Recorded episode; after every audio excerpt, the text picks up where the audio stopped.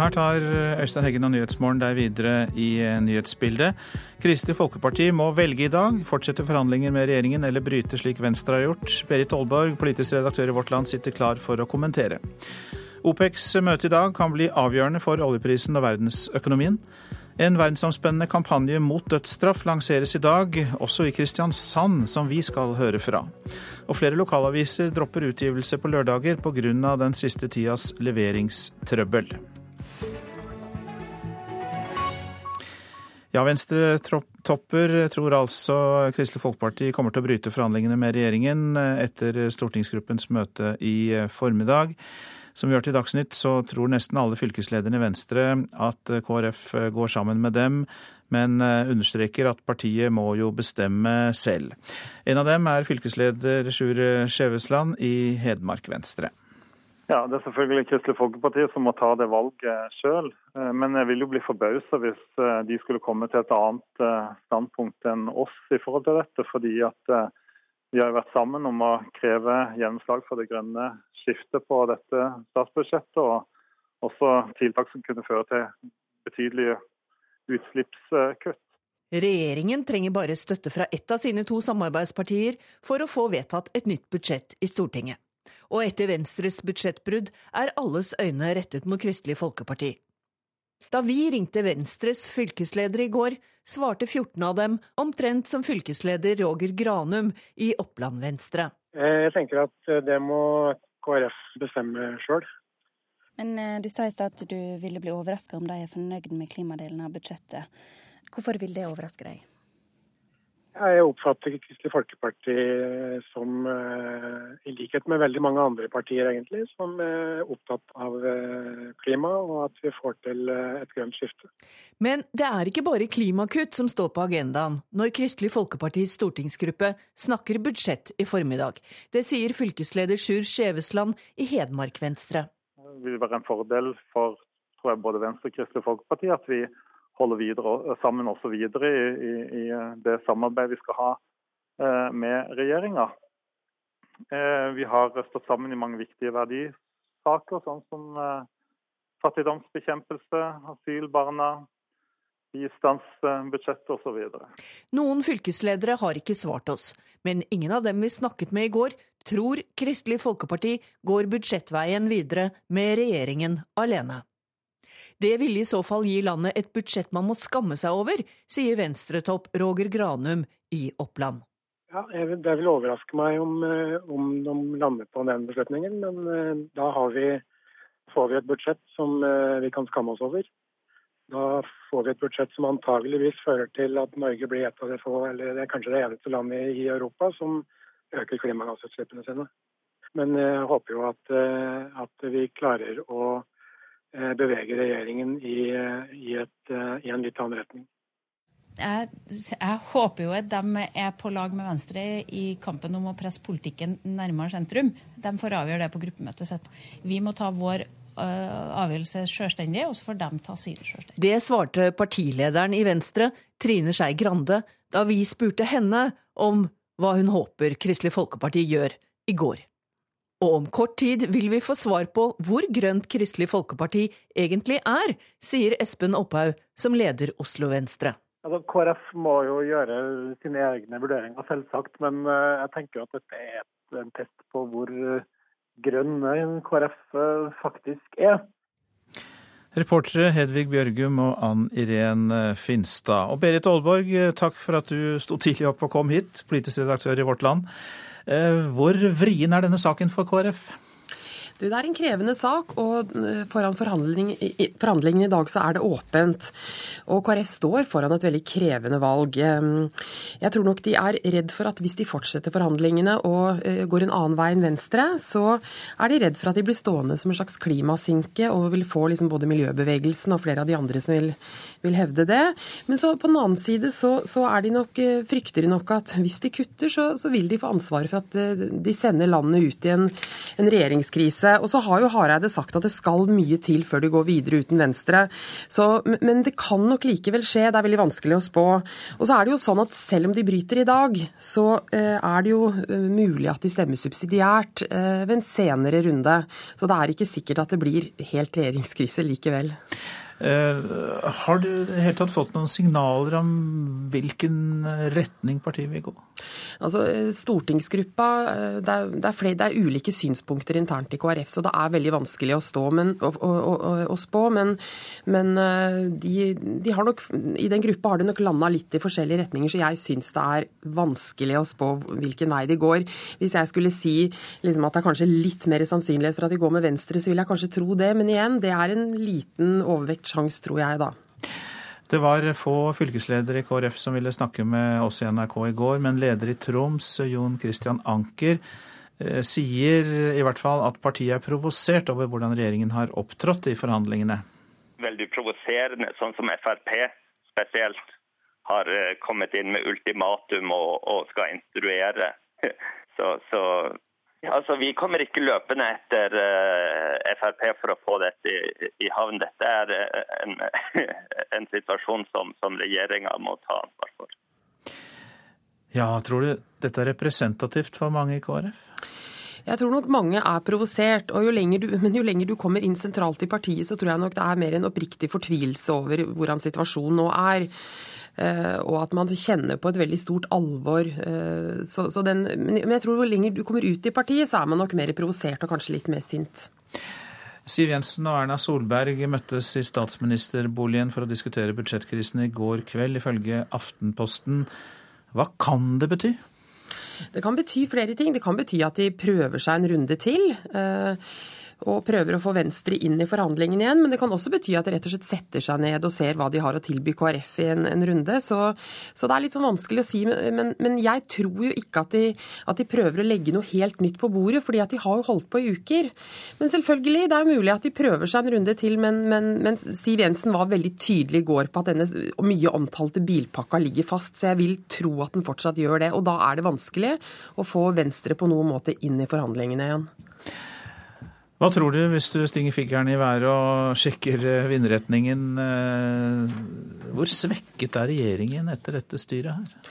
Jeg tror jo den er ganske svekket, fordi at de har ikke greid å finne en avtale sammen med samarbeidspartnerne sine. Og det vi helt tydelig ser, er at det firepartisamarbeidet som de drev valgkamp på sist år, det fungerer ikke lenger. Og, og, de har ikke greid å finne sammen. Så sånn sett er regjeringen svekket. Og mange vil jo si at også Erna er svekket fordi at hun ikke har greid å få de tre partnerne til å, de tre andre partiene til å sette seg ned og finne eh, gode løsninger. Mange takk skal du ha, Berit Aalborg, politisk redaktør i Vårt Land, og Bjørn Myklebust, du har kommet inn i studio. Du er programleder for Politisk kvarter om en drøy time, og vi kan vel bare gjette hva det skal handle om? Jeg lurer litt på om Knut Arild Hareide har sovet godt i natt. Det kan man jo undres, men det får vi ikke vite, fordi KrF er ikke ferdigtenkt og vil heller ikke snakke før møtet i dag. Men så lurer jeg jo også litt på hvordan folk i Venstre har sovet. For de har litt å tenke på selv om de har forlatt forhandlingsbordet. F.eks. For hvor stor skyld har de i dette rotet selv? Og Venstre, de kommer. Politisk kvarter eh, når klokka er 7.45. Og så til det avisen er opptatt av, og det er naturlig nok eh, det samme vi har snakket om i noen minutter eh, nå. La oss begynne med Aftenposten. Erna Solberg kjemper for sitt politiske liv og ettermæle, skriver politisk redaktør Trine Eilertsen. Venstres brudd i budsjettforhandlingene knuste Erna Solbergs drøm om stødig borgerlig samarbeid, skriver hun. Det er et mysterium at Erna Solberg mister kontrollen, skriver VGs kommentator Fridtjof Jacobsen, og legger til at det borgerlige samarbeidet går i stykker foran øynene på en handlingslammet statsminister.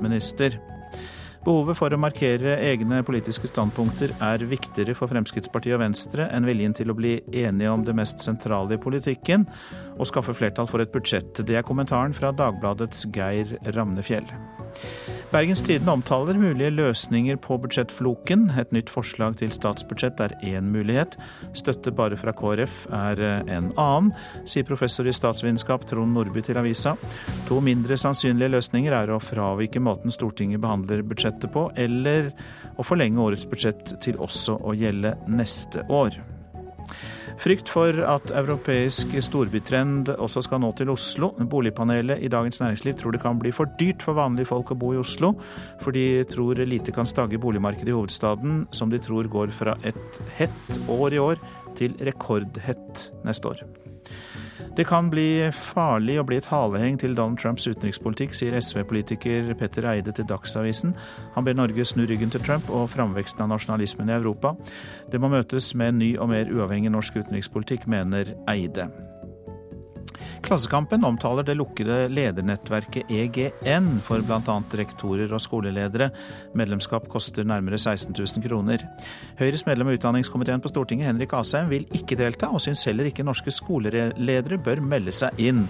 For dette nettverket er for elitepreget, mener han. Håkon Gelein, som leder EGN, mener Asheim først bør sette seg inn i hva de driver med. Brente seg på Burning, det er oppslaget i Finansavisen. Publikum elsket filmene i Burning-serien, men tapene svir for produsenten John M. Jacobsen. Han fikk et tap på produksjonen av filmene på 20 millioner kroner i fjor. Og så ut i verden. Nervene til verdens investorer er i helspenn, nemlig, før det avgjørende oljemøtet i Wien i dag. Nå på morgenen koster et fat olje knapt 47 dollar. Oljeprisen vil ventelig bli kraftig påvirket av om OPEC-landene blir enige om et produksjonskutt eller ei. Økonomireporter Sindre Heirdal, eh, for norsk økonomi, hvor viktig blir OPEC-møtet? Ja, Vår eh, oljesmurte økonomi og også den norske krona ligger nå delvis i eh, OPECs hender. Eh, oljekartellet er jo eh, blitt eh, Selv om betydningen var større i gamle tider, så er det fortsatt eh, en av de få mulighetene til å få opp oljeprisen kraftig, eh, nå som markedet flommer over av olje. Eh, og dermed kan det påvirke veldig hva vi også kan drive med av nye feltutbygginger på norsk sokkel bl.a. Med den prisen vi har nå, så er det mange norske mulige felt som ikke er lønnsomme. Så dette blir ganske avgjørende, særlig på litt kortere sikt, for veien videre for norsk økonomi. Ja, markedet flammer over olje, sier du. Så hvor mye kan eh, oljeprisen eh, bli påvirket av OPEC-møtet i dag? Det kan bli eh, rimelig kraftig. og Vi ser en del analytikere som spår både 10 og 20 dollar opp hvis det blir en klar, forpliktende enighet. Og det er veldig viktig her at det blir et dokument som ikke er ordknapt, men som sier klart og tydelig hvordan hvert enkelt land skal kutte, og når de skal gjøre det. Eh, eh, derimot, hvis det ikke blir enighet, hvis det blir full eh, fiasko, og ingen land som virkelig forplikter seg her, så risikerer vi en kraftig tur ned. Og flere antyder da at vi kan havne rundt 40 dollar fatet, altså ned omtrent 10 dollar fra dagens nivå. Og Vi kan jo også høre hva oljeanalytiker Øyvind Munthe Kaas i World Fuel Services hadde å si om dette da jeg snakket med han om det. Blir det et møte som ender i totalt kaos som i april, så, så vil vi nok kunne se ganske raskt eh, nedsalg på, 3-4 dollar umiddelbart. Og så vil det sikkert stabilisere seg, men, men vi vil nok da sannsynligvis havne godt under, eh, godt under 40 før julen setter inn. Det er eh, brist eller bære for, for OPEC, egentlig. Og Hvilke land er det da som spiller eh, nøkkelroller i dette dramaet? Saudi-Arabia er veldig viktig. Og Saudi-Arabia som eh, verdens største oljeprodusent har jo enorm makt. De har også mye påvirkning på andre oljeprodusenter i Gulfen. Eh, Annenfiolin spiller Iran som også er blitt et veldig viktig land nå. Eh, men eh, det er litt tvil om Iran vil være med på en eh, avtale. Og det er også litt tvil om Saudi-Arabia vil kunne inngå en produksjonskuttavtale med andre land uten at Iran blir med. De sier offisielt nei til det, men vi får se hvordan det utspiller seg. Men disse to landene, og også med Russland som en joker, joker er en, Russland er en stor produsent utenfor OPEC. Og Hvis de også kan eh, antyde at de kan være interessert i å være med på lang sikt, så vil de også kunne smøre en sånn avtale betraktelig. Mange takk skal du ha, økonomireporter Sindre Heidal. Nå skal vi snakke om Cities for Life. Det er et eh, verdensomspennende nettverk som jobber mot dødsstraff. Det består av over 1850 byer i over 90 forskjellige land som markerer denne motstanden. En av byene som er med, er Kristiansand, der organisasjonene Amnesty International, FN-sambandet og Vest-Agder Røde Kors skal delta i dagens markering. Det skal skje i samarbeid med stiftelsen Arkivet. Og Ingrid Juel Mo, velkommen til deg. Takk. Du er en av Amnesty-aktivistene der, og med oss fra studio i Kristiansand. Hvordan skal dere markere motstanden mot dødsstraff? Altså, I alle disse byene så eh, skal eh, markante bygninger belyses. Eh, og i Kristiansand så har man valgt å belyse det som tidligere var Gestapos hovedkvarter, som kalles Arkivet. Eh, det blir belyst med blått lys i kveld, samtidig som Colosseum i Roma, Eiffeltårnet i Paris, Kristiansten festning i Trondheim og veldig mange andre bygninger rundt omkring i alle disse 90 landene. Hvordan skal dere mobilisere folk for å bidra i markeringen, i tillegg til å sette lys på arkivet? Vi har eh, valgt å lage et arrangement på arkivet, hvor vi inviterer folk til å komme. Eh, det vil være en samtale mellom Pål Ler Salvesen og Kjetil Grødum med tittelen 'De vet hva de gjør'. Og så eh, skal vi sammen gå ned i kjelleren som var eh, Gestapos torturkammer i Kristiansand. Og eh, har med oss eh, blomster. Vi skal gå ut på utsiden av bygningen hvor lyset tennes. Der står der en rød benk fra Røde Kors som handler om å møtes, om å dele sorger og dele gleder. Og der legger vi blomster på som en solidaritet med de 20 000 mennesker som sitter på dødscelle, og også for å minnes alle dem som mister livet på denne måten. Er det noen land dere legger spesiell eh, vekt på, retter spesiell kritikk mot? Ja, altså eh, Iran er et av de land som i år har, eh, eller den siste perioden, har henretta svært mange mennesker. Og det som også er er at det er flere barn. Der er ungdom under 18 år. Og det samme er i Pakistan.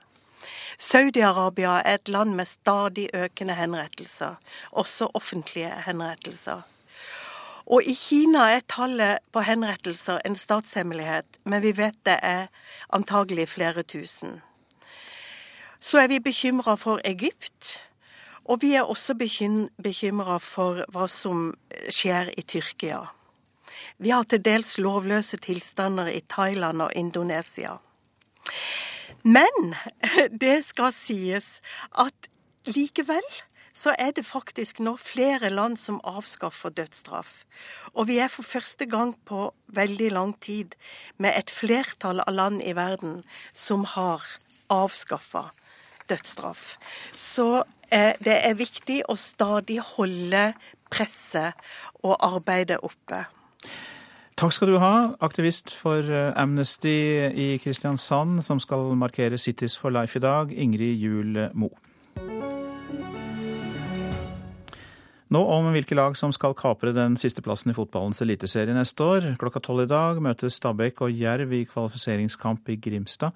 Men i går kom beskjeden som gjør forberedelsene til kampen mye tyngre for Stabæks eh, brasilianske spiller Alan Sinjo. It's very sad news, you know, about all Brazil. It's, uh, it's sad about this, you know, of course. Alansinho var tydelig preget etter gårsdagens nyheter om flystyrten som førte til at 76 mennesker døde. Annet var fotballaget Chapecoense fra Brasil på flyet på vei til finalekamp i den prestisjetunge turneringen Copa Syd-America. I have one friend that played in this, this, uh, this team, so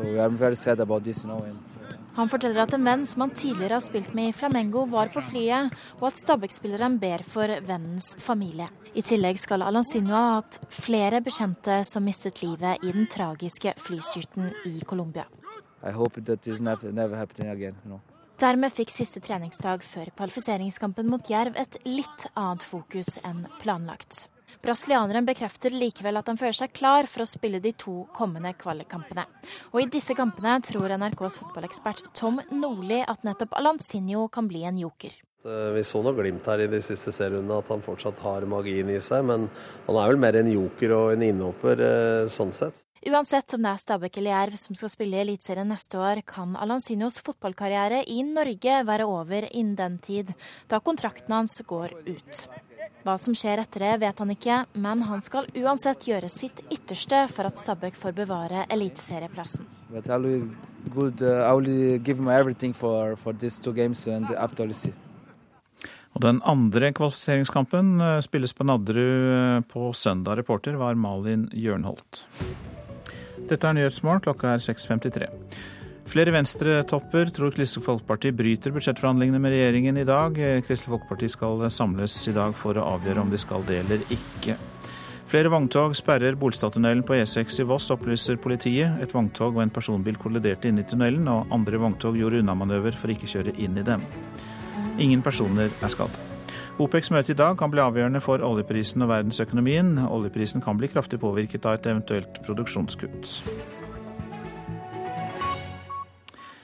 Hele 75% av den norske musikken som blir spilt på strømmetjenestene, blir lyttet til utenfor landets grenser.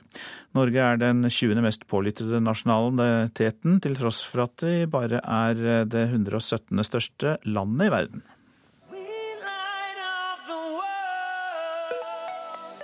Bergensartisten Kygo har alene blitt strømma over én milliard ganger på Spotify så langt i år. 2016 kan i det hele sies å være et rekordår for norsk musikk internasjonalt, med et markant øke i strømmetall. Music Norway, en organisasjon som jobber med eksport av norsk musikk til utlandet, mener det at Norden har vært så tidlig ute med streaming, kan ha gitt norske artister en fordel. Det har noe med at vi har vært så flinke digitalt, og så er det noe med å gjøre at vi har så gode musikkprodusenter og låtskrivere, og så har vi hatt et par store kommersielle hits. Så jeg tror kombinasjonen av de faktorene gjør at det er man har lyst til å se til Norge.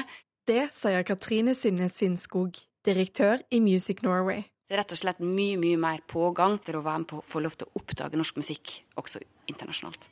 Reporter Ruth Einervold Nilsen. Problemene med levering av lørdagsaviser er i ferd med å løse seg. Det sier samferdselsminister Ketil Solvik-Olsen. Lokalaviser over hele landet har de siste ukene opplevd problemer med leveringen etter at selskapet Kvikkas overtok Postens ansvar.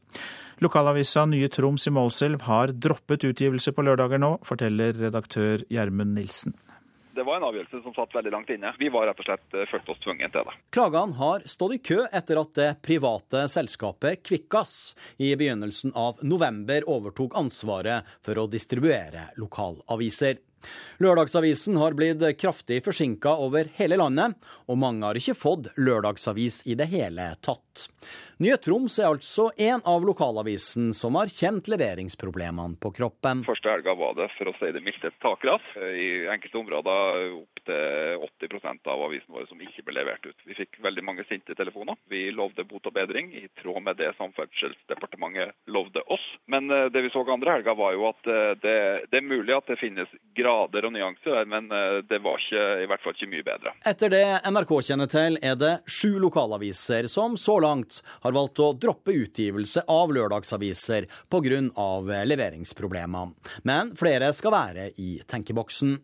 Sør-Varanger Avis i Finnmark har gjort som Nye Troms, forteller redaktør Tor Sandø, som opplevde klagestorm da lørdagsavisa uteble. De første klagene kom allerede i løpet av lørdagen, og til slutt så hadde vi rett og slett ikke noe valg. Følte vi at det her det var noe som eh, det selskapet ikke, ikke rådde over. Så vi gjorde en kjapp intern vurdering, og da, da følte vi at eh, vi ikke hadde noe annet valg enn å flytte lørdagsavisa til fredag. I går havna saken i Stortinget, hvor en samla opposisjon ba samferdselsminister Ketil Solvik-Olsen om å rydde opp i leveringsproblemene.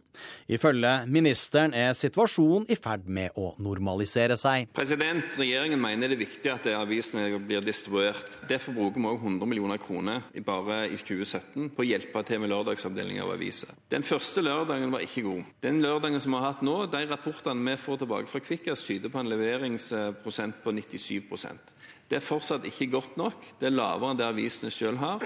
Men vi ser at i Nord-Norge har du en leveringsprosent på opp mot 100% da er du der du skal være. Ikke godt nok, sier redaktøren i Nye Troms, som holder fast ved utgivelse på fredagene. Vi følte nesten at det var et være eller ikke være. For eh, er det en ting eh, som jeg er helt sikker på, nå er jeg ikke noen stor selger, men jeg er helt sikker på det at eh, det å selge et produkt man ikke leverer, Det er ingen god salgsstrategi. Vi nærmer oss et nytt år. Det er forfall på eh, abonnementsinnbetalinger og masse sånn der. Og jeg, jeg, kunne ikke stå og se folk i, i øynene og si at de skulle betale for et produkt som vi ikke visste om vi kunne levere lenger. Det sa redaktør Gjermund Nilsen i avisa Nye Troms i Målselv, reporter Rune Norgård Andreassen. Så tar vi for oss værvarselet. Fjell i Sør-Norge, noen snøbyger i vest, opphold i øst. Østafjells opphold og en del sol. Vestlandet nordvest stiv eller sterk kuling på kysten utsatte steder. Regn eller regnbyger, sludd eller snø i høyereliggende strøk. Trøndelag nordvest stiv kuling på kysten utsatte steder. Sluddbyger og snøbyger, regnbyger ved kysten. Nordland periodevis vest og nordvest sterk kuling utsatte steder. Fra seint på ettermiddagen oppe i liten storm i Lofoten. Perioder med regn, snø i høyden og fare for torden. Troms sørlig liten kuling utsatte steder. Fra formiddagen vestlig periodevis stiv kuling. Minkende vind til kvelden. Periode med regn og snø over 200 meter. Finnmark periode med litt snø. Spitsbergen kuling fra øst. Stort sett opphold. Så tar vi for oss temperaturene, og disse ble målt klokka fire. Svalbard lufthavn minus fire. Kirkenes minus seks. Varde minus to. Alta minus 1. Så kommer et knippe med plussgrader her. Tromsø, Langnes og Bodø begge pluss 4. Brønnøysund 5, Trondheim-Værnes 2, Molde 6, Bergen-Flesland 4. Stavanger og Kristiansand-Kjevik 5 grader, Gardermoen 3. Og så dukker det opp minus igjen. Lillehammer minus 6 grader klokka 4 i natt. Røros minus 1 grad. Oslo-Blindern minus 2 grader. Du lytter altså til Nyhetsmorgen, og vi skal selvfølgelig analysere den vriene situasjonen for regjeringen i forbindelse med statsbudsjettet, også etter Dagsnytt eh, klokka sju.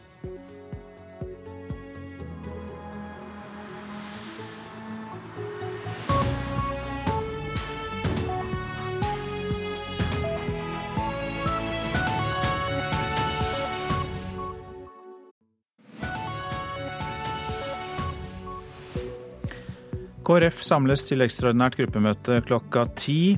Redder de regjeringens budsjett eller ikke? Det er dagens viktigste, viktigste, spørsmål i norsk politikk, som vi også skal drøfte her i Nyhetsmorgen. Norske universiteter trekker investeringene sine ut av fossil energi. Menneskene i Aleppo har det verre enn noen gang. 20 000 har flyktet det siste døgnet.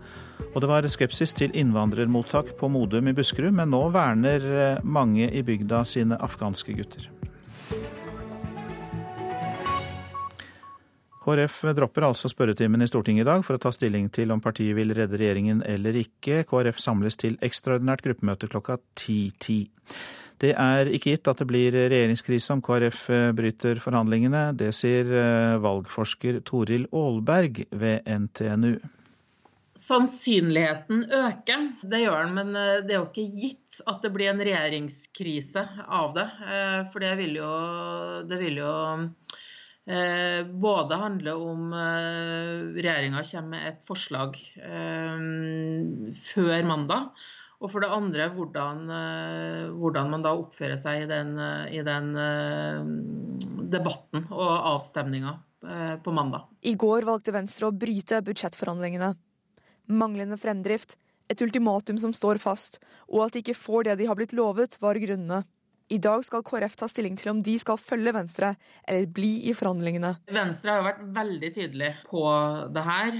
Eh, det som, som, som gjør det spennende holdt jeg på å si, og åpent, er jo hva, hva Kristelig Folkeparti velger å gjøre, all den tid at regjeringa kun er avhengig av Kristelig Folkeparti for å få flertall. Om KrF velger å bryte, er det fortsatt håp for regjeringen, forklarer Aalberg. Regjeringa kan berges enten ved at regjeringa kommer med et, et siste tilbud før debatten starter på, på mandag. Eller f.eks. ved at Venstre og Kristelig Folkeparti velger å holdt jeg på å si, primært stemme for sine egne budsjettforslag, men deretter kanskje å holde seg for nesen og, stemme for regjeringa sitt, sitt, forslag likevel. Altså det, det, vil sitte fryktelig langt inn, men det er ikke en umulig løsning. Reportere Melana Knesevic og Lena Gundersby Gravdal. Og politisk kommentator her i NRK, Lars Nehru Sand. Vi vet også at Siv Jensen og Erna Solberg møttes i statsministerboligen i går kveld for å diskutere denne krisen. Ifølge Aftenposten dette her. Eh, hva kan det bety? Det ville være rarere hvis de ikke møttes, for å si det sånn. Fordi eh, de to må ha flertall for budsjettet sitt innen eh, mandag morgen, og helst ha et budsjett å vise Stortinget innen torsdag kveld. Det betyr at de har veldig dårlig tid, og at det er veldig alvorlige beslutninger de må fatte for å prøve å få et flertall på den ene eller andre måten for sitt budsjettopplegg. Så at de to møttes i går og hadde et behov for det, det forstår jeg veldig godt. Og I dag må altså Kristelig Folkeparti bestemme seg for om de skal bryte forhandlingene. De starter et møte klokka 10.10 i stortingsgruppa. Hva er det siste du vet om det som kan skje der? Ja, det, er, det, er, jo riktig som du sier at stortingsgruppen skal uh, møtes uh, i formiddag og diskutere dette. Jeg tror KrF også har behov for en uh, større forankringsjobb i partiet, sånn at det blir flere møter i KrF utover dagen i dag. Det i seg selv blir selvfølgelig spennende. og så er KrF oppriktig i tvil og sier lite i, både i går kveld og i dag om hvordan de vurderer situasjonen, men, men jeg tror nok partiet er såpass delt i mange viktige spørsmål at nok vil finne eh, stemmer som tar til orde for både å, å, fortsette eller til slutt støtte dette, og å eh, følge Venstre i eh, å avslutte forhandlingene, med mindre regjeringen kommer tilbake med noe enda bedre tilbud. Si litt mer om det presset KrF-politikerne føler på nå. Men det er klart, De har jo en avtale på sett og vis, og har jo også sagt at de står last og brast med Venstre. Det var noe av de eneste eh, KrF hadde å si den dagen dette ultimatumet ble presentert i, i slutten av september. Samtidig så har de også sagt at de kan stemme for denne bilpakken som Venstre eh, har sagt at de ikke kan stemme for. Eh, men det er klart, KrF har et veldig press på om de vil sende landet ut i en regjeringskrise i ytterste fall. Eh, men også hvor, hvordan de selv eh, skal klare å si nei til et budsjett som i større eller mindre grad er, er tilpasset dem. Og Det jeg tror KrF må, må, eh, huske på, eller i hvert fall er smertelig klar over, det er at uansett hvilket valg de tar, så må de begrunne det. Eh, og uansett hvilket valg de tar, så vil det bli en kritikk av, av, hva de gjorde. Så de må ha kontroll på denne beslutningen selv, og, og selv ha en aktiv begrunnelse for hvorfor de tar dette valget valget. Eh, enten det nå blir å stemme for budsjettet eller å eh, ikke gjøre det. Eh, og så er det nok sånn at det budsjettet de får, er kanskje litt annerledes enn det de til nå har sagt nei til. Og da handler det vel så mye om Ikke om det budsjettet er veldig bra, men, men om det er så bra at man, man ikke kan si nei, vil være en, en vel så viktig vurdering som om det er for dårlig til å si ja til. Mange takk, Lars Nehru Sand, politisk kommentator her eh, i NRK. Norske universiteter trekker pengene sine ut av fossil energi. Det gjelder Universitetet i Oslo, NTNU, Norges miljø- og biovitenskapelige universitet. Eh, skal alle flytte investeringene fra olje og gass til grønnere alternativer. Planen er å være helt ute av fossil energi innen fem år. Og studenter NRK møtte på Universitetet i Oslo, var eh, fornøyde med det. Jeg prøver, jeg prøver, å finne grunner til å være uenig i det, men jeg finner jo ingen, da. Jeg syns det er viktig at, ja, at, man fokuserer på grønne energikilder. Det er veldig mye kunnskap om det rundt liksom, på universitetet. Jeg tenker at man tar den kunnskapen i bruk og gjør noe med det. Det syns jeg er bra. Nei, Bedre seint enn aldri, iallfall. Det er alltid lurt å sette et eksempel. Eh, for så fort et eksempel er satt, så er det lettere å følge. Og nå blir det noen eksempler å følge i Norge. Gjennom organisasjonen Unifor investerer stiftelser tett knyttet til Universitetet i Oslo, NTNU og Norges miljø- og biovitenskapelige universitet i flere fond. Nå skal pengene flyttes til fond med liten tilknytning til olje og gass. Og målet er at investeringene skal bli helt fossilfrie innen fem år. Her går universitetene foran, sier Hans Jørgen Stang, administrerende direktør i Unifor. Universiteter er noe av det mer bærekraftige vi har i et demokratisk samfunn. Og da må det være en parallellitet med de midlene som kommer til universitetet, eh, og som vi representerer. Ifølge en utregning fra Fremtiden i våre hender har Unifor investeringer for 183 millioner i fossile selskap. Det er tidlig neste år at de skal starte med å flytte pengene over i grønnere fond. Men det er flere utfordringer i å investere grønt, sier Stang. Det fins i dag ikke noen gode definisjoner på hva en fossilfri portefølje skal være.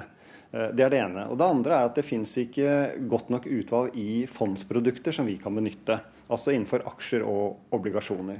Så det ønsker vi å arbeide sammen med uh, aktører som tilbyr disse produktene, om å få fra den type produkter, slik at flere ikke bare vi, men også eh, privatpersoner kan benytte denne type fondsprodukter. Universitetene må få bruke pengene sine som de vil, sier Tommy Hansen, direktør for kommunikasjon og samfunnskontakt i Norsk olje og gass. Men det er jo selvfølgelig også sånn at en stor del av eh, de pengene som tilfaller norske universitet og høyskoler fra staten, det er penger som kommer fra olje- og gassindustrien. Det er det viktig å huske. Bevegelsen for å få universiteter til å trekke seg ut av fossil energi har spredt seg internasjonalt.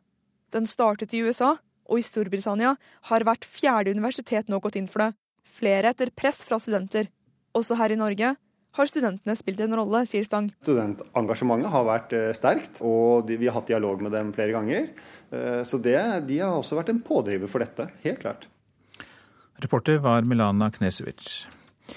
Kristoffer Ringnes Klyve, god morgen til deg. God morgen. Du er konstituert leder i Fremtiden i våre hender. Eh, hvorfor mener du at det er så viktig at universitetene kutter investeringer i olje og gass?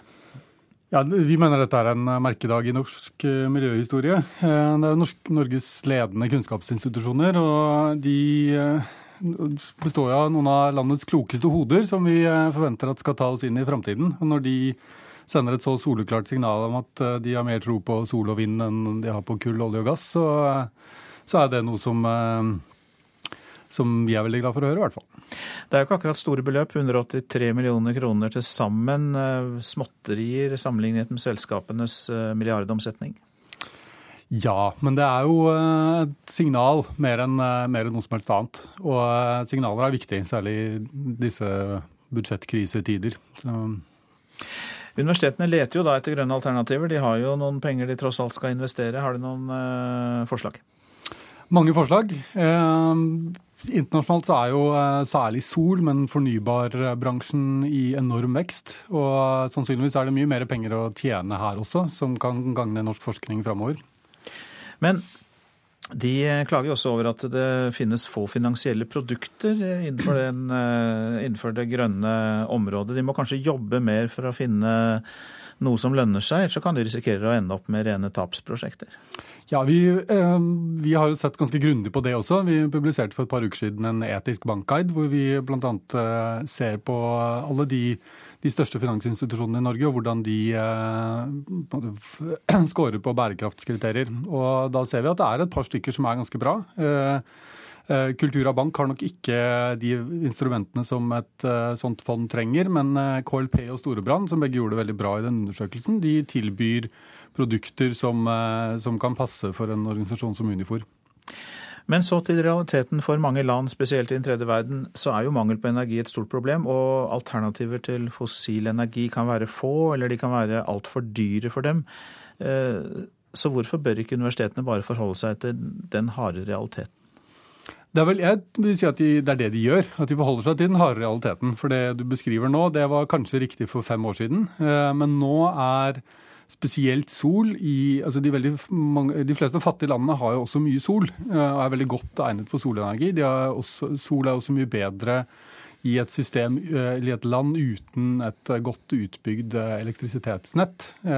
Fordi du kan sette opp ganske billige, desentraliserte nettverk. Så, så jeg, tror, jeg, tror, det her er en, en klok beslutning også sånn realøkonomisk. Kristoffer Ringnes Klyve, takk skal du ha. Takk. Konstituert leder i Fremtiden i våre hender er du altså. Dette er Nyhetsmorgen. Klokka nærmer seg kvart over sju. Og dette er hovedsakene. Flere venstretopper tror Kristelig Folkeparti bryter budsjettforhandlingene med regjeringen i dag, på samme måte som Venstre har gjort, men KrF samles til ekstraordinært gruppemøte klokka ti for å ta stilling til om de fortsetter forhandlingene. Flere norske universiteter trekker altså pengene sine ut av fossil energi. Planen er å være helt ute av fossil energi innen fem år, og det får sterk støtte fra Fremtiden i våre hender, som vi hørte nettopp. Og Bolstadtunnelen på E6 i Voss er åpen igjen etter at den var sperret av flere vogntog i natt etter kollisjon inne i eh, tunnelen. Det er nå 20 000 mennesker som har flyktet fra den syriske byen Aleppo i løpet av de siste to dagene. Det er Røde Kors som melder det. Den humanitære situasjonen er verre enn noen gang, ifølge organisasjonen. Kristin Solberg, Midtøsten-korrespondent eh, i Beirut. Eh, hva er det siste du vet om kampene? Ja, Det siste døgnet så er det rapporter om kamper i nabolagene Shar og Tariq al-Bab i Øst-Aleppo. Og Frontlinjene har jo flyttet seg en god del de siste dagene i den delen av byen.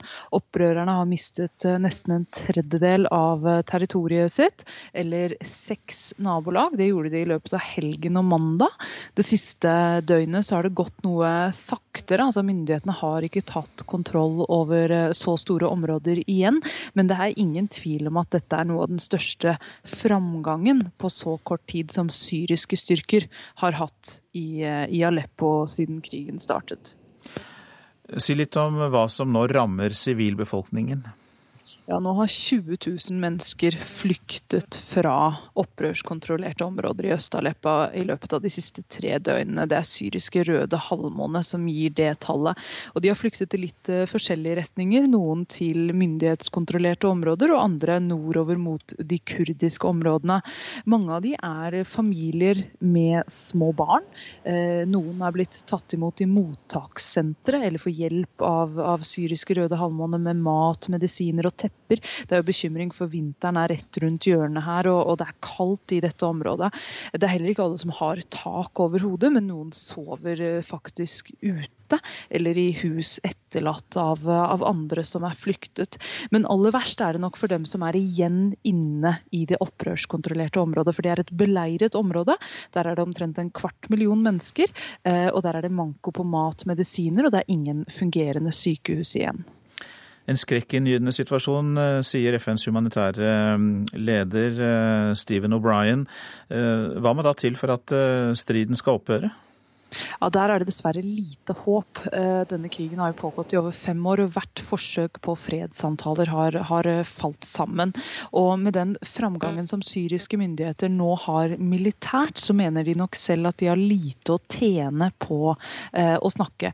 Og kanskje klarer de å ta tilbake hele Aleppo Eh, militært. Det er i hvert fall eh, målet deres. Eh, det vil ikke bidra til en politisk løsning på konflikten. Der må partene snakke sammen. Så langt eh, er det veldig få tegn på det, og mer umiddelbart så er det lite som tyder på at eh, sivilbefolkningen i Aleppo skal få det, få det bedre med det første. Det skal være et krisemøte i FNs sikkerhetsråd i dag om den humanitære situasjonen i Aleppo, men Sikkerhetsrådet er splittet, og det kommer ikke neppe noe håndfast ut av det som kan gjøre situasjonen bedre for sivile på bakken. Takk til Kristin Solberg, Midtøsten-korrespondent.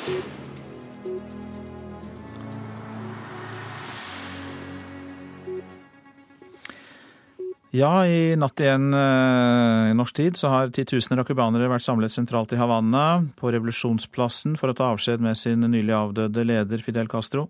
Og sammen med dem var også en lang rekke stats- og regjeringssjefer, hovedsakelig fra Latin-Amerika, som understreket Castros betydning for selvstendighet og uavhengighet i egne land. Og så kan vi jo høre på en av dem som ikke kom fra Latin-Amerika, men fra Sør-Afrika, Sør-Afrikas president Jacob Zuma.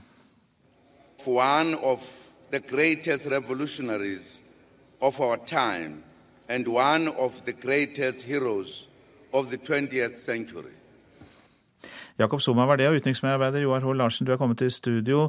Eh, ja, eh, Jakob Zuma snakket om en av de største, både revolusjonære og folkehelter i vår tid. Det var store ord om en mann som andre beskriver som en diktator. Ja, han er jo både åpenbart og omtvistelig for så vidt begge deler. Men dette er jo et veldig tydelig eksempel på at eh, for en mann som Jacob Zuma, en svart afrikaner, vokste opp under apartheid, så er eh, Fidel Castros liv og virke eh, et noe annet enn når det er en hvit europeisk stats- og regjeringssjef eh, som ser dette. Vi kan jo også høre på en annen, Evo Morales fra, fra Bolivia, president der, hva, hva han sa om, om avdøde.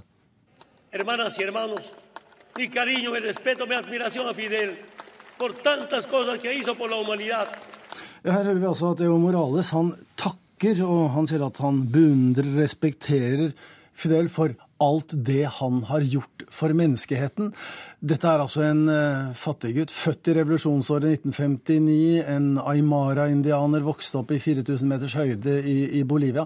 Og da får man åpenbart et annet perspektiv på Fidel Castro enn det de ti hvite nordamerikanske presidentene i Washington hadde i de rundt 50 årene Fidel Castro var statsleder på Cuba. Representasjon på toppnivå fra Latin-Amerika og Afrika virker det som altså, men eh, fra resten av verden ikke nødvendigvis eh, de aller øverste lederne som stiller opp?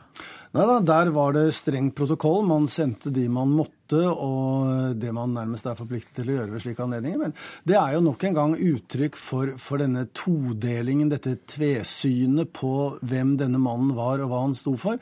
I den hvite delen av verden, der legger man større vekt på ikke som moralisk for hva han gjorde for menneskeheten, men mer hva han gjorde mot menneskeheten.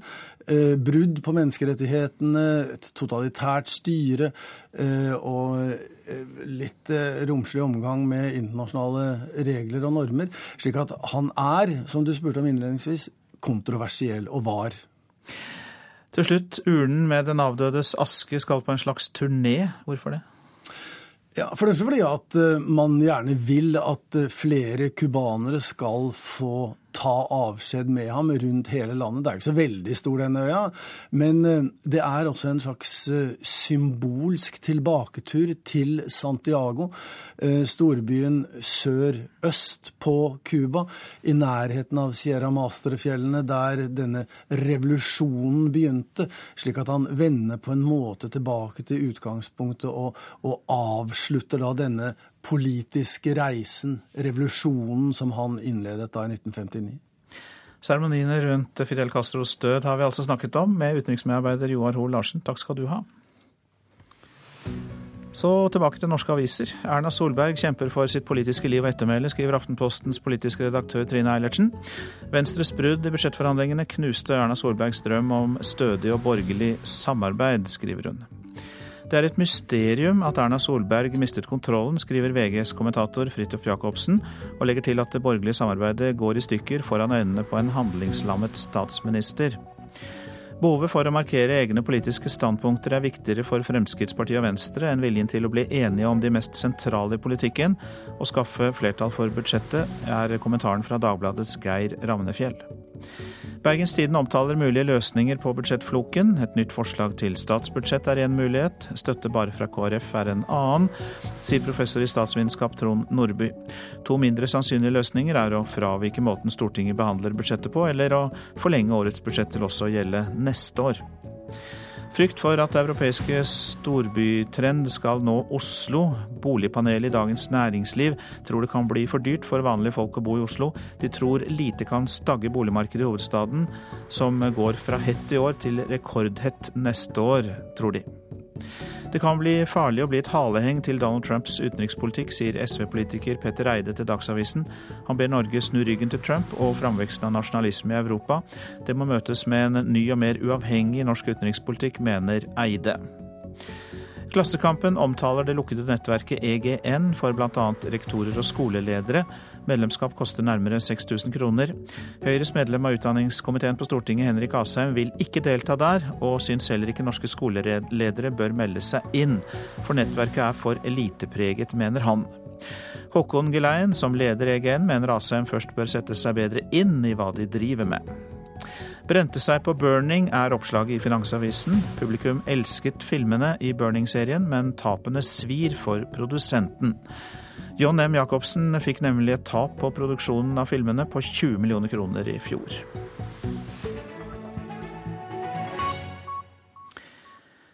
De siste dager og ukers hjemsendelse av afghanske gutter engasjerer et helt lokalsamfunn på Modum i Buskerud. Da asylmottaket for mindreårige flyktninger ble opprettet på Sevaldstunet, var skepsisen og motstanden i lokalsamfunnet stor. Nå har usikkerheten blitt til eh, kjærlighet og vennskap, og Modum forsøker å verne om sine afghanske gutter. Der. Det er mottaket. Ok. Så du er nærmeste nabo, du da, eller? Jeg er nærmest nabo. Ja. Ja, er det. Vi går gjennom hagen til Frank Edquist og hopper over hekken i retning asylmottaket. Hva slags uh, forhold har du fått til de unge flyktningene nå? Ja, det Det er mange gode kamerater. På kontoret i Drammen sitter Ingrid Svang. Det er ikke hver dag hun klarer å konsentrere seg om jobben nå for tiden. Noen dager så, så går det ikke bra. Det gjør ikke det, det må jeg bare innrømme. Det, det er tankene mine på andre plasser. For da det skulle opprettes et asylmottak for mindreårige flyktninger, ble hun utfordra av ei venninne. Og så spurte hun oss om vi kunne tenke oss å bli med i en faddergruppe. Så det var jo sånn det starta. Og i utgangspunktet hadde jeg jo tenkt at jeg skulle bare være den her kosetanta der var nedom en gang imellom og spilte litt kåt eller koste med gutta. Men jeg hadde ikke trodd jeg skulle bli så engasjert, og det skulle komme så virkelig inn i hjertet på meg, da. Skal vi gå opp? Ja. Skal vi se om vi treffer noen hjemme? Ja.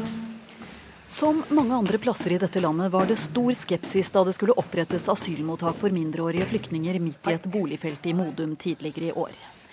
Moingene frykta for egen sikkerhet, holdt informasjonsmøte og vurderte å holde egne vaktpatruljer med hunder langs gatene. Slik ble det ikke. I stedet ble det vennskap og mye kjærlighet. Hei. Modum mennesker, det er bra. Vi kommer i Modum, alle eh, sa pak, pak. Det er ikke bra. Så, så de viste fingeren når dere kom, men nå er det annerledes? Ja. De ble kalt for pakk, men med fadderkampanjen snudde holdningen til de unge guttene. Nå er bygda bekymra for guttenes framtid her i landet. Vi ser at det preger guttene veldig, så vi prøver å få i gang hyggelige tiltak. Er det tøft for dere også? Veldig. Ja. Jeg tør ikke tenke tanken, altså. Hva, hva skal skje hvis, hvis, de plutselig blir sendt tilbake? De, med de historiene vi har hørt, og, og, så mye de har fortalt oss, da skjønner vi jo at eh, vi kan ikke sende folk tilbake dit. Det går ikke. Ja, som Per nå så er det ca. 90% som blir sendt hjem. Og Det er klart at det skaper en usikkerhet og utrygghet for alle de som fortsatt venter på svar. Sier nestlederen i mottaket Anne Mette Varåker. Hun forteller om et enestående engasjement i ei bygd som var fulle av fremmedfrykt og bekymring for hva 40 afghanske gutter kunne finne på. Men eh, maken til måten de har snudd på, det syns jeg har vært helt fantastisk. For det er jo selvfølgelig noen ildsjeler som går foran her og, og viser at dette her er veldig ufarlig. Og at det er flotte, vanlige ungdommer med samme ønsker og behov som alle andre. Ha det. Ha det. På asylmottaket gjør gutta seg klare til å gå på skolen. Seinere i kveld skal de sparke fotball med Frank og flere andre støttespillere i bygda. Facebook-gruppa har over 100 faddere nå. Ja, men Det er jo blitt to ekstra barn i familien. De kommer, de går, de er positive, de er blide. De er blitt kjempeflinke på å prate norsk. De bidrar inn i familien, de hjelper til. Og det var reporter Karoline Bekkelund Hauge som hadde laget dette innslaget fra Modum i Buskerud. Vi slår fast at du lytter til Nyhetsmorgen. Produsent i dag Katrine Nybø, og her i studio Øystein Heggen. I reportasjen etter Dagsnytt skal vi til den tyrkiske by, kystbyen Chesme, der menneskesmuglere sendte tusener av flyktninger over til den greske øya Kios. Men nå er det stille der, rapporterer vår korrespondent. Krisen foran behandlingen av statsbudsjettet er selvfølgelig tema for Politisk kvarter. Der er det Venstres Sveinung Rotevatn og De Grønnes Rasmus Hansson som møtes.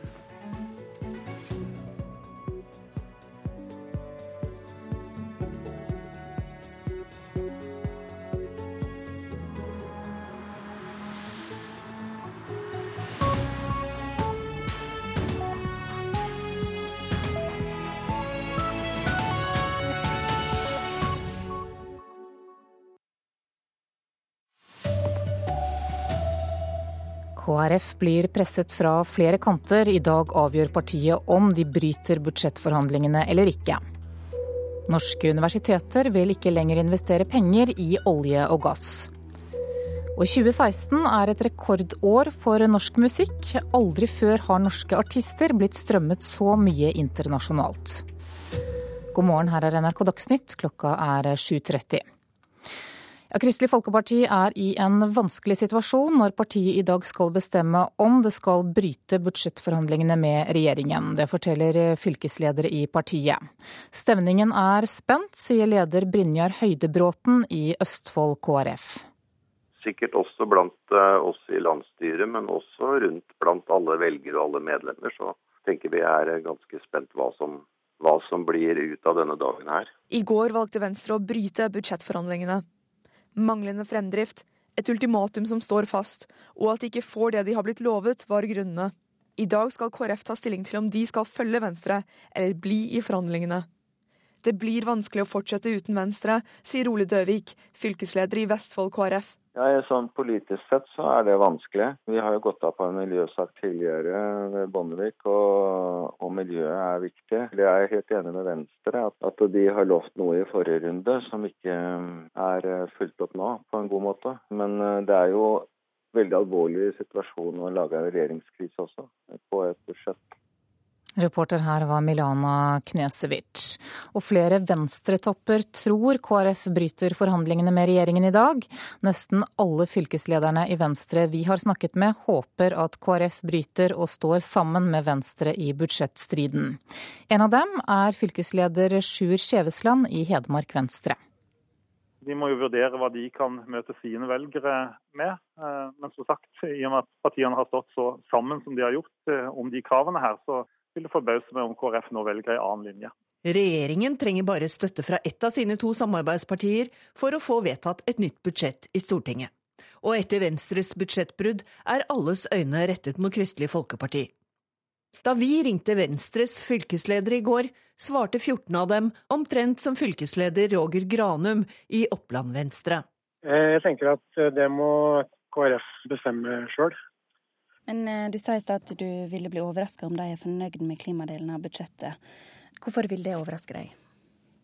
Jeg oppfatter Kristelig Folkeparti som, eh, i likhet med veldig mange andre partier, egentlig, som er opptatt av eh, klima og at vi får til et grønt skifte. Noen fylkesledere har ikke svart oss, men ingen av dem vi snakket med i går, tror Kristelig Folkeparti går budsjettveien videre med regjeringen alene jeg håper jo at de er på lag med Venstre i kampen om å presse politikken nærmere sentrum. De får avgjøre det på gruppemøtet sitt. Det svarte partilederen i Venstre, Trine Skei Grande, da vi spurte henne om hva hun håper Kristelig Folkeparti gjør i går.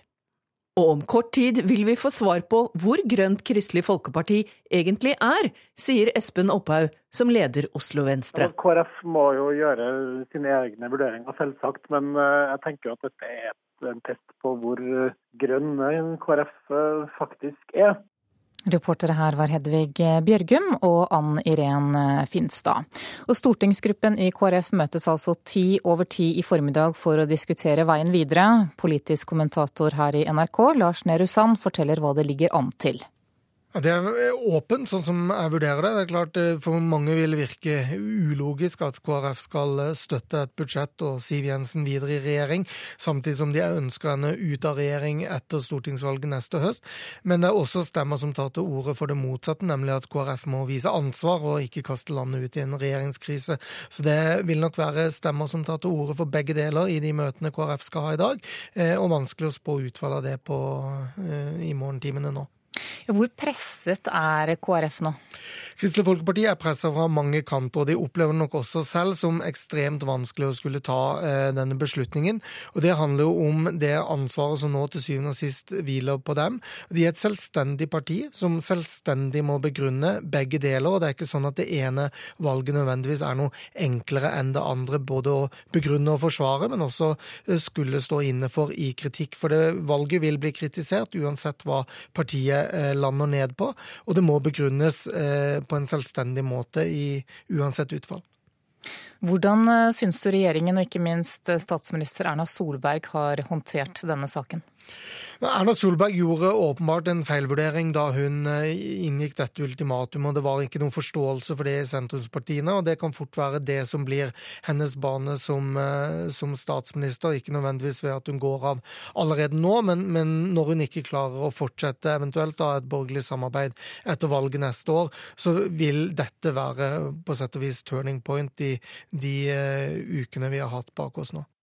Det sa politisk kommentator Lars Nehru Sand, og det blir mer om denne saken i Politisk kvarter i P2 og Alltid nyheter klokka 7.45. Norske universiteter trekker pengene sine ut av fossil energi. Universitetet i Oslo, NTNU og Norges miljø- og biovitenskapelige universitet skal flytte investeringer fra olje og gass til grønnere alternativer. Målet er å være helt ute av fossil energi innen fem år. Og studentene vi møtte på Universitetet i Oslo er fornøyde med det. Jeg prøver, jeg prøver å finne grunner til å være uenig i det, men jeg finner jo ingen, da. Jeg syns det er viktig at, ja, at, man fokuserer på grønne energikilder. Det er veldig mye kunnskap om det rundt liksom, på universitetet. Jeg tenker at man tar den kunnskapen i bruk og gjør noe med det. Det syns jeg er bra. Nei, Bedre seint enn aldri, iallfall. Det er alltid lurt å sette et eksempel. Eh, for så fort et eksempel er satt, så er det lettere å følge. Og nå blir det noen eksempler å følge i Norge. Gjennom organisasjonen Unifor investerer stiftelser tett knyttet til Universitetet i Oslo, NTNU og Norges miljø- og biovitenskapelige universitet i flere fond. Nå skal pengene flyttes til fond med liten tilknytning til olje og gass. Og målet er at investeringene skal bli helt fossilfrie innen fem år. Her går universitetene foran, sier Hans Jørgen Stang, administrerende direktør i Unifor. Universiteter er noe av det mer bærekraftige vi har i et demokratisk samfunn. Og da må det være en parallellitet med de midlene som kommer til universitetet, og som vi representerer. Universitetene må få bruke pengene sine som de vil, sier Tommy Hansen, direktør for kommunikasjon og samfunnskontakt i Norsk olje og gass. Men det er jo selvfølgelig også sånn at en stor del av eh, de pengene som tilfaller norske universitet og høyskoler fra staten, det er penger som kommer fra olje- og gassindustrien. Det er det viktig å huske. Reporter var Milana Knesevic. E16 er nå ryddet og åpnet igjen ved Bolstadtunnelen i Voss kommune. Tunnelen har vært stengt siden klokka fire i natt etter en kollisjon mellom et vogntog og en personbil. Ti vogntog ble også stående inne i tunnelen etter ulykken. I USA blir en kjent filmprodusent trolig landets nye finansminister. Det skriver flere amerikanske medier. Landets påtroppende president Donald Trump har valgt Steven Murchin til jobben, og ifølge New York Times så ville Trump offentliggjøre utnevnelsen senere i dag. Aldri, aldri, tidligere har norske artister blitt strømmet så mye internasjonalt. 75% av den norske musikken som blir spilt på strømmetjenestene, blir lyttet til utenfor landets grenser.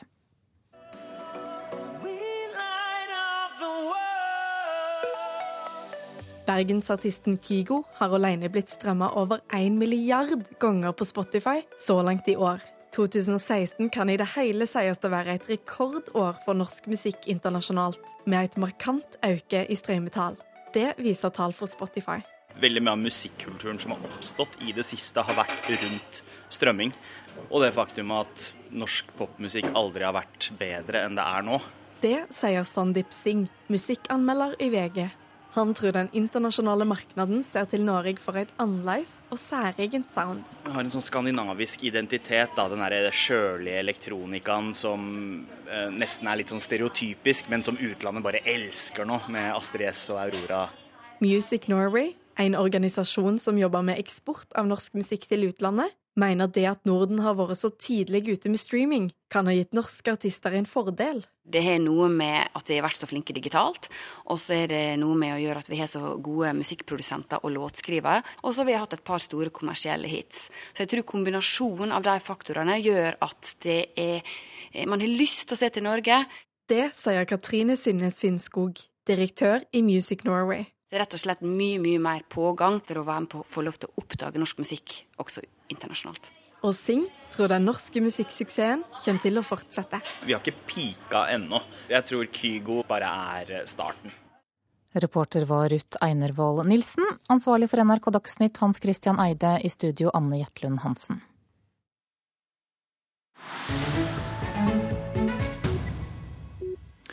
Nyhetsmorgen skal til Tyrkias strender. Fra kystbyen Chesme har menneskesmuglere sendt tusener av flyktninger over til den greske øya Kios. Nå har trafikken stilnet, men både smuglere, flyktninger og hotelleiere håper på en ny flyktningstrøm. Da vår korrespondent Sissel Wold var der, fant hun ikke annet enn barnesko og ødelagte gummibåter. Å gå på denne mørke stranden er som å føle på et inderlig og desperat håp. Håp som enten ble innfridd eller som druknet i bølgene her ute. På brun tang og stein ser vi gjenstander som forteller om dem som la sine skjebner i en gummibåt ved denne stranden. Her ser vi klær. Vi ser en tåteflaske. Vi ser en uh, væske fra en, en, kvinne. Her er det en badering. Jeg får øye på et grått plaststykke. Her. her ser vi restene av en gummibåt. Men nå ligger denne gummibåten gravet i stein og, og sand, og den er ødelagt. Så det er ingen som har dratt med den. Det er som å komme etter en storm. Men kanskje er en ny en på vei. For denne uken stemte EU-parlamentet for å legge forhandlingene med Tyrkia på is. Ingen bindende avstemming, men den setter en tone. President Erdogan svarte med trusler om å åpne grensene til Europa igjen for migranter og flyktninger. Det tyrkiske feriestedet Chesme ved Egerhavet ligger en times kjøring fra vakre Ismir. Kontrasten mellom velstående tyrkere på ferie og syrere som hadde mistet alt i krigen, var stor. Flyktningene hadde ikke mer å tape enn sitt eget liv da de bega seg hit til fots. På stranden står jeg sammen med min tyrkiske kollega Banu Shen fra Izmir. So Vi ser over til den greske øya Kios, som er så nære, så nære. Vi kan se husene der godt. Shen dekket flyktningdrama. The women and children, especially, they were very scared to go to the sea. Særlig barna og kvinnene var redde for å gå ut i sjøen da de skulle sette seg i båtene for mange hadde aldri sett havet før, forteller Banu Shen. One day, an Afghan boy he told me that they tried to drink seawater and they didn't know that it's salty. Hun husker den sultne og tørste afghanske gutten som drakk vann fra havet, intetanende om at det var salt. Bare 30 minutter tok det fra smuglerne pumpet opp en båt, til flyktningene ble vinket av gårde med et 'lykke til' på reisen. Hun ble kjent med flere av menneskesmuglerne. De fleste smuglerne er syriske og afghanske, men de jobber i et internasjonalt nettverk. All of them told me that uh, they don't do a crime. They just uh, help people, and in their boat, never. People.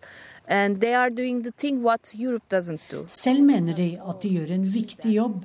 De hjelper folk fordi de gjør det regjeringene ikke gjør. De ser seg ikke som kriminelle, forteller Shen.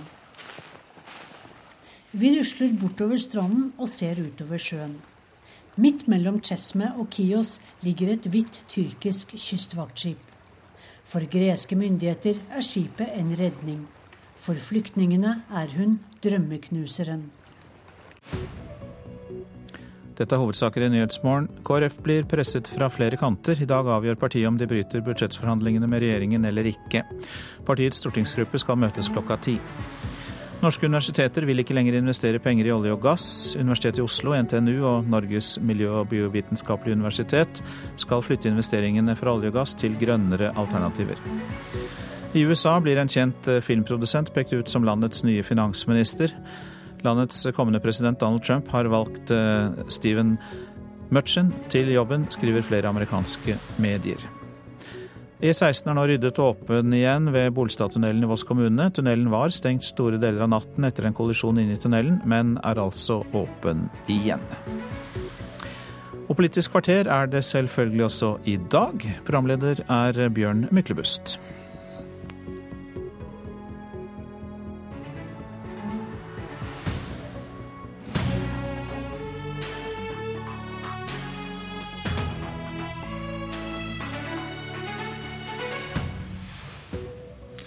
Det er snart jul, men vi skimter bare myke pakker under treet til den borgerlige familien.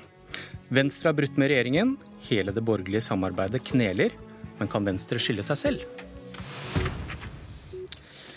Han har skjegg, men det er ikke nissen. Velkommen, Sveinung Rotevatn fra Venstre. Takk for det. Fra deg ønsket Erna Solberg borgerlig enighet om budsjettet til jul, men det får hun ikke. I går brøt Venstre budsjettforhandlingene, for dere krever betydelige kutt i CO2-utslippene og mener regjeringen ikke leverer på det. Men forklar dette. Hvorfor har Venstre skrevet under på statsbudsjettene for 2014, 2015, 2016 uten å kreve betydelig kutt i utslippene? Fordi vi i budsjettene for 2014, 2015 og 2016 fikk gjennomslag for mange viktige saker for Venstre, inkludert mange riktige, viktige miljøsaker. Eh, F.eks. det at vi tok igjen vedlikeholdsetterslepet på jernbane, eh, bedre fordeler for miljøvennlige biler, eh, mer penger til miljøforskning osv. osv. Men du har rett i ett poeng som er ganske interessant. Det var at det som gjorde at budsjettenigheten i fjor kom i havn, det var jo at vi insisterte på å få til et grønt skatteskifte som skal gi betydelige kutt i utslippene. Regjeringa var veldig opptatt av at dette her må vi jobbe med framover. Vi må ha et år, vi må ta inn over oss Grønn skattekommisjon. Og vi gikk med på det, mot et løfte om at nå skal vi gjøre det i årets budsjett. Men jeg føler, jeg føler ikke at jeg fikk noe godt svar på det første spørsmålet. For hvis det er viktig å få ned kuttene raskt, hvorfor har dere ikke hatt et krav om nedgang i disse utslippene fra første budsjett? Men jeg mener vi har hatt uh, tydelige og betydelige miljø- og klimakrav i de budsjettene som har vært. Utslippene gikk opp i fjor? Utslippene gikk opp i fjor ikke pga. budsjettet som var vedtatt for i fjor, men pga. nye prosjekt på norsk sokkel som var vedtatt av den rød-grønne regjeringa. Det, bry, det bryr vel ikke miljøet seg noe særlig om? Nei, det, det, for, det, er bare for å forklare at det var ikke et resultat av en budsjettenighet. Men vi har stilt høye krav hvert år. Vi har gjennomført betydelige tiltak innenfor transportsektoren. Men vi skal men, gjøre det. Hvis dere hadde klart å stille krav om nedgang i norske utslipp fra det første budsjettet, så hadde dere ikke sittet der dere gjør nå. Vi har stilt tøffe krav og betydelige krav i alle budsjettforhandlinger. Men det har ikke ført, det har ikke ført til kutt i utslippene? De går opp? Men det er jo fordi at en er nødt til å ta det steg for steg. Og nå har vi kommet der for budsjettet i år at der vi er nødt til å sette inn hovedinnsatsen, det er for å kutte i norske klimagassutslipp, særlig innenfor transport. Eh, vi har gjort veldig mye annet som har vært viktig, men nå er det der vi står. Det, men for, for, tre år siden så ble dere da enige med regjeringen om å forsterke dette klimaforliket. Mm. Og det betød at dere måtte kutte mange tonn utslipp før 2020. Men igjen så skriver dere da under tre statsbudsjett på rad som undergrave det løftet dere selv ga i samarbeidsavtalen. Det skulle forsterke klimaforliket. Nei, jeg er ikke enig i den. for at Veldig mye av det vi har gjort i statsbudsjettet tidligere, har vært veldig viktig for å kutte i klimagassutslipp, ikke minst på sikt. Bl.a. en betydelig kollektiv- jernbanesatsing. Men så er det en del prosesser som har tatt litt tid. Annet har vi vært opptatt av å gjennomføre et grønt skatteskifte som har stått i sentrum nå. Da har det blitt satt ned en grønn skattekommisjon som har jobba, lagt fram en faglig god tilråding som vi skulle ta konsekvensen av i den budsjettforhandlinga som vi nå har stått midt oppi. I den situasjonen så valgte altså regjeringa å stille et ultimatum på at vi ikke skulle endre det de hadde lagt fram. Og da sier det seg sjøl at budsjettforhandlingene ble veldig veldig vanskelige. Og derfor har vi dessverre havna der vi står nå. Men Venstre er jo fortsatt opptatt av at vi skal få til en enighet på borgerlig side, men da er vi jo avhengig av at regjeringa er villig til å flytte på seg, villig til å ta konsekvensen av de faglige rådene de selv har fått for å senke klimagassutslippene. Men det er noe med at når det har kommet tre budsjett med deres signatur som ikke fører oss nærmere dette klimaforliket som er så viktig, og så skal dere nå henge alt ansvaret for det på regjeringen på det siste budsjettet. Nei. Og ingen anger om at dere burde krevd uh, kutt og nedgang i utslippene fra dag én.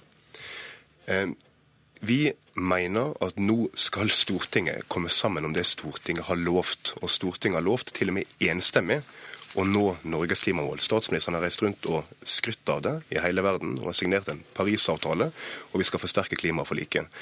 Eh, og da står vi der vi står. Og så kan jeg selvsagt mene at OK, kanskje en skulle ha gjort enda mer i tidligere budsjett. Jeg mener vi har kommet langt i tidligere budsjett, og jeg mener at alternativet har vært fryktelig dårlig av det de andre partiene på Stortinget har representert.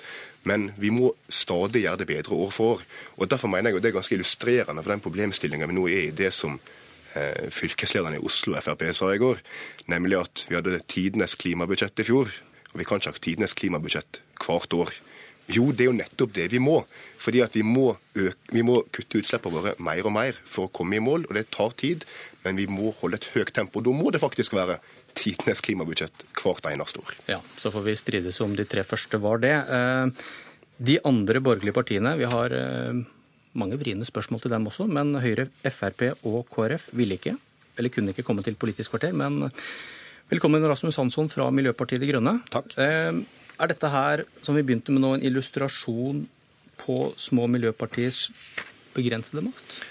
Det er en illustrasjon på at det er en tøff jobb å forsøke å drive miljøpolitikk eh, i et Norge med to store partier, Høyre og Arbeiderpartiet, som eh, i utgangspunktet er veldig lite interessert i å gjøre endringer og gjennomføre et grønt skifte. og Derfor har vi jo respekt for at eh, Venstre prøver på sitt vis. Men vi mener jo at den situasjonen som har oppstått nå, eh, for vårt vedkommende gjør oss enda tryggere på at eh, det er veldig viktig å være uavhengig av de store blokkene, eh, og framfor alt ikke gi bort det viktigste forhandlingskortet sitt først. Altså ikke først melde seg på blokk X eller blokk Y, slik at Høyre eller Arbeiderpartiet er sikre på at du har deg i lomma, og så etterpå stille krav. Eh, for Miljøpartiet De Grønne så, så understreker den situasjonen som vi har i dag, det samme som den rød-grønne regjeringshistorien understreket. Man må, eh, for å få gjennomført eh, virkelige, en virkelig god miljøpolitikk et virkelig grønt skifte, få banka fast kravene og forpliktelsene om utslippskutt, om et grønt skifte, om en satsing på naturen, om en skikkelig eh, overgang fra oljeøkonomi til grønn økonomi, det må man få gjennomført eh, i samarbeidsavtalen når man starter. Det har, til, det har, vi fått til, i Oslo. Der har det funka med Arbeiderpartiet. Og vi tror at det er veien å gå. Og vi har ett godt eksempel i norsk politikk som Venstre har ære for. Og det er eh, Lofoten og Vesterålen, som vi nå er i ferd med å, vinne, for Arbeiderpartiet er i ferd med å gi seg. Der har alle eh, de eh, grønne partiene på begge sider vært helt klare på at det blir ikke noe utbygging, utbygging av Lofoten og Vesterålen. Den kampen vinner vi fordi det har vært et absolutt krav som uh, de store partiene har visst om fra før av. Det kan vi gjøre med mye mer. Vi kan gjøre det med utslippskuttene, og vi kan gjøre det med naturen, og vi kan gjøre det med andre ting. Hvor langt følger du Johanssons resonnementer her, Rotevatn? Du, Jeg har registrert at MDG har følt et behov for å drive og kritisere Venstre gjennom denne budsjettprosessen, her, selv om vi står på for miljøet eh, mot regjeringa. Det syns jeg er litt rart, men jeg har ikke noe voldsomt behov for å krangle med MDG, verken om deres strategi eller, eller vår strategi. Eh, men jeg vil jo si at vi stilte jo tydelige miljø- og klimakrav da vi satt og forhandla om Nydalen-avtalen med Høyre, Frp og KrF. Han som nevnte selv Lofoten, Vesterålen og Senja. Men vi har jo også fått med regjeringa på å forplikte seg til å kutte 40% i løpet av 2030, forsterke klimaforliket eh, før 2020. Vi vet at det er ambisiøs klimamelding. Ja, vi har til og med vedtatt eh, å gjøre en rekke grep på skatte- og avgiftsområdet som har vært uhyre kontroversielle. Det er nok å bare nevne flyseteavgifter fra i fjor, at vi har økt mineraloljeavgifter osv. Poenget men, men, men, poenget, poenget er at når, eh, når Siv Jensen sier nei til deg, så vil ikke du snu deg mot Jonas Gahr Støre og se hva du kan få til der? Um, jeg tror det er viktig å være klar over hvordan styrkeforholdene på Stortinget er. Um, det finnes ikke noe budsjettflertall på Stortinget uten at enten Høyre, Frp eller KrF er med på det. Uh, og Det hjelper ikke hva Jonas Gahr Støre og Arbeiderpartiet vil. og Jeg registrerer for øvrig at det de har lagt fram som alternativt budsjett, er svært svakt uh, på klimaområdet. Men, er, er det, det, er jo interessant. Er det Arbeiderpartiet la fram i sitt alternative budsjett, et dårligere klimabudsjett enn det tilbudet dere har fått fra regjeringen nå? Jeg tror nok at Det tilbudet vi har fått fra regjeringa nå, det, ja, det, er mulig det blir kjent på et eller annet tidspunkt, men det var i hvert fall ikke godt nok for oss. til at men det var ikke spørsmålet, Var det bedre enn det Arbeiderpartiet kunne lagt på bordet? Nei, det, det vil jeg ikke kommentere. Det var ikke godt nok for oss. Og Arbeiderpartiet er ikke målestokken her. Det er viktig å huske på. For med Arbeiderpartiets budsjett så kommer vi ikke i mål verken ved 2020 eller 2030. Men, altså, nå, nå er jo, altså, poenget er jo nettopp at uh, Sveinung Rotevatn helt riktig henviser til maktforholdene på Stortinget. Uh, og da mener Miljøpartiet De Grønne, uh, og jeg overlater helt til Venstre å velge sin strategi, men Miljøpartiet De Grønne mener at da er det jo veldig viktig å forholde seg til at både Høyre og Arbeiderpartiet er de eh, partiene som må flyttes. Og hvis man i sin strategi utelukker eh, å sette det ene partiet av de store partiene under press, så gjør man det fryktelig lett for det andre. Altså, nå er det jo kjempelett for Arbeiderpartiet eh, å løpe rundt og påstå at de er et veldig grønt parti, fordi de ikke blir satt under press. Eh, jeg tror det er veldig viktig at eh, de grønne partiene gjør som vi har gjort i Lofoten og Vesterålen-saken, eh, går sammen og stiller de samme høye og vesentlig høyere miljøkravene enn de som er blitt stilt hittil, til både Høyre og Arbeiderpartiet. Det er den eneste måten å røyke ut de partiene. Man får spørre deg med, med blank rustning, Rasmus Hansson. Det mest interessante er kanskje ikke hva Venstre eller MDG mener, men hva dere kan få de store partiene med på. Og dere f.eks. vil da ha fem kroner dyrere bensin og diesel. og dere hadde ikke overlevd lenge i noe forhandlingsrom med det? Det kommer jo an på hvilken forhandlingsmakt vi hadde hatt. Uh, altså Det jeg igjen kan henvise til, er uh, i Oslo, hvor vi faktisk fikk uh, vippemakt over Arbeiderpartiet. Så ikke, fikk en, vi, ikke en meter motorvei ble til ganske mange fikk, meter motorvei? Det ble, det ble, til veldig få meter motorvei, for å være helt nøyaktig. det er snakk om, fem, det er snakk om, nei, nei, nei, det er snakk om 1500 meter motorvei som ligger i Oslo 3-avtalen. Resten skal forhandles videre. Bare så det er slått fast. Men hovedpoenget er for det første, uansett hvilket parti du uh, tilhører, det må stilles mye høyere krav til norsk miljø- og bærekraftspolitikk for at vi kunne gjennomføre uh, den politikken. Og alt viser jo det gjennom at vi fortsatt ikke har kutta ett eneste gram utslipp. Altså må det gjøres mer enn det som har vært gjort nå. Og de kravene må stilles til begge partier. Og vi oppfordrer Venstre til å være med på å stille høyere krav til begge partier. Du, jeg syns faktisk ikke Venstre stiller så høye krav i dette budsjettet. Vi har bare stilt ett krav. Det er at Vi skal kutte i norske klimagassutslipp i tråd med det Stortinget har sagt. Vi skal faktisk ikke kutte ett gram mer CO2 enn det Erna Solberg sjøl har lova. Og det bør ikke være ei uoverkommelig oppgave. Og så KrF har møte i dag, skal bestemme seg for om de skal gjøre det samme som dere. Veldig kort, Rotevatn. Hva tror du de lander på? Eh, gitt KrFs historie som et parti som har vært opptatt av miljø, og at en statsminister som har gått av på den saken, så tror jeg jo at de er enige med oss i våre vurderinger. Men eh, det er en beslutning som er opp til KrF å ta. Okay. Takk, mine herrer. Da vifter vi inn eh, vår politiske kommentator i NRK, Lars Nehru Sand. Tror du du får lukke døra etter de uhøflige herrene?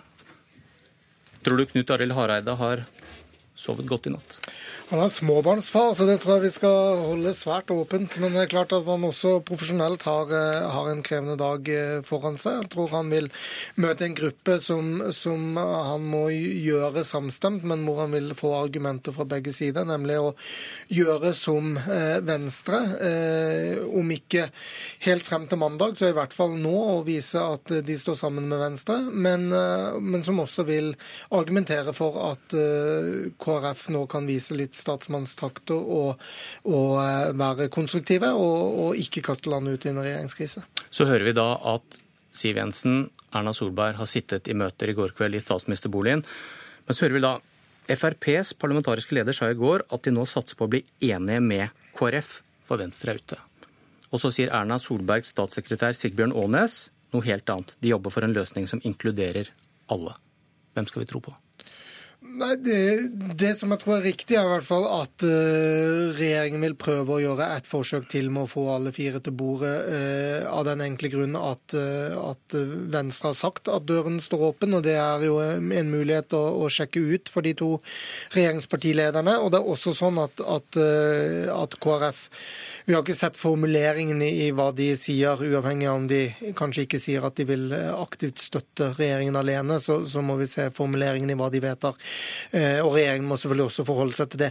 Men det er klart, det som eh, vi også må tenke på, er at regjeringen kan ikke la det bli stående som et inntrykk at man så bevisst fisker etter KrFs støtte, og, kanskje også tar den for gitt. Fordi det vil kunne virke så provoserende på KrF at det virker mot samarbeidets beste. Om noen timer så møtes KrF for å bestemme seg. Hva tror du de lander på? Har du noe inntrykk av det? Det virker veldig åpent, eh, og jeg tror vi må også tenke på at det de svarer i dag, eh, ikke nødvendigvis trenger å, å gi hele bildet om hvordan de vil stemme i, etter debatten på mandag. Og det er mye som skal skje før den tid i, i norsk politikk. Så om eh, Solberg får flertall eller ikke, er fortsatt ganske åpent. Takk, Lars Nehru Sand. Det var Politisk kvarter. Jeg heter Bjørn Myklebust.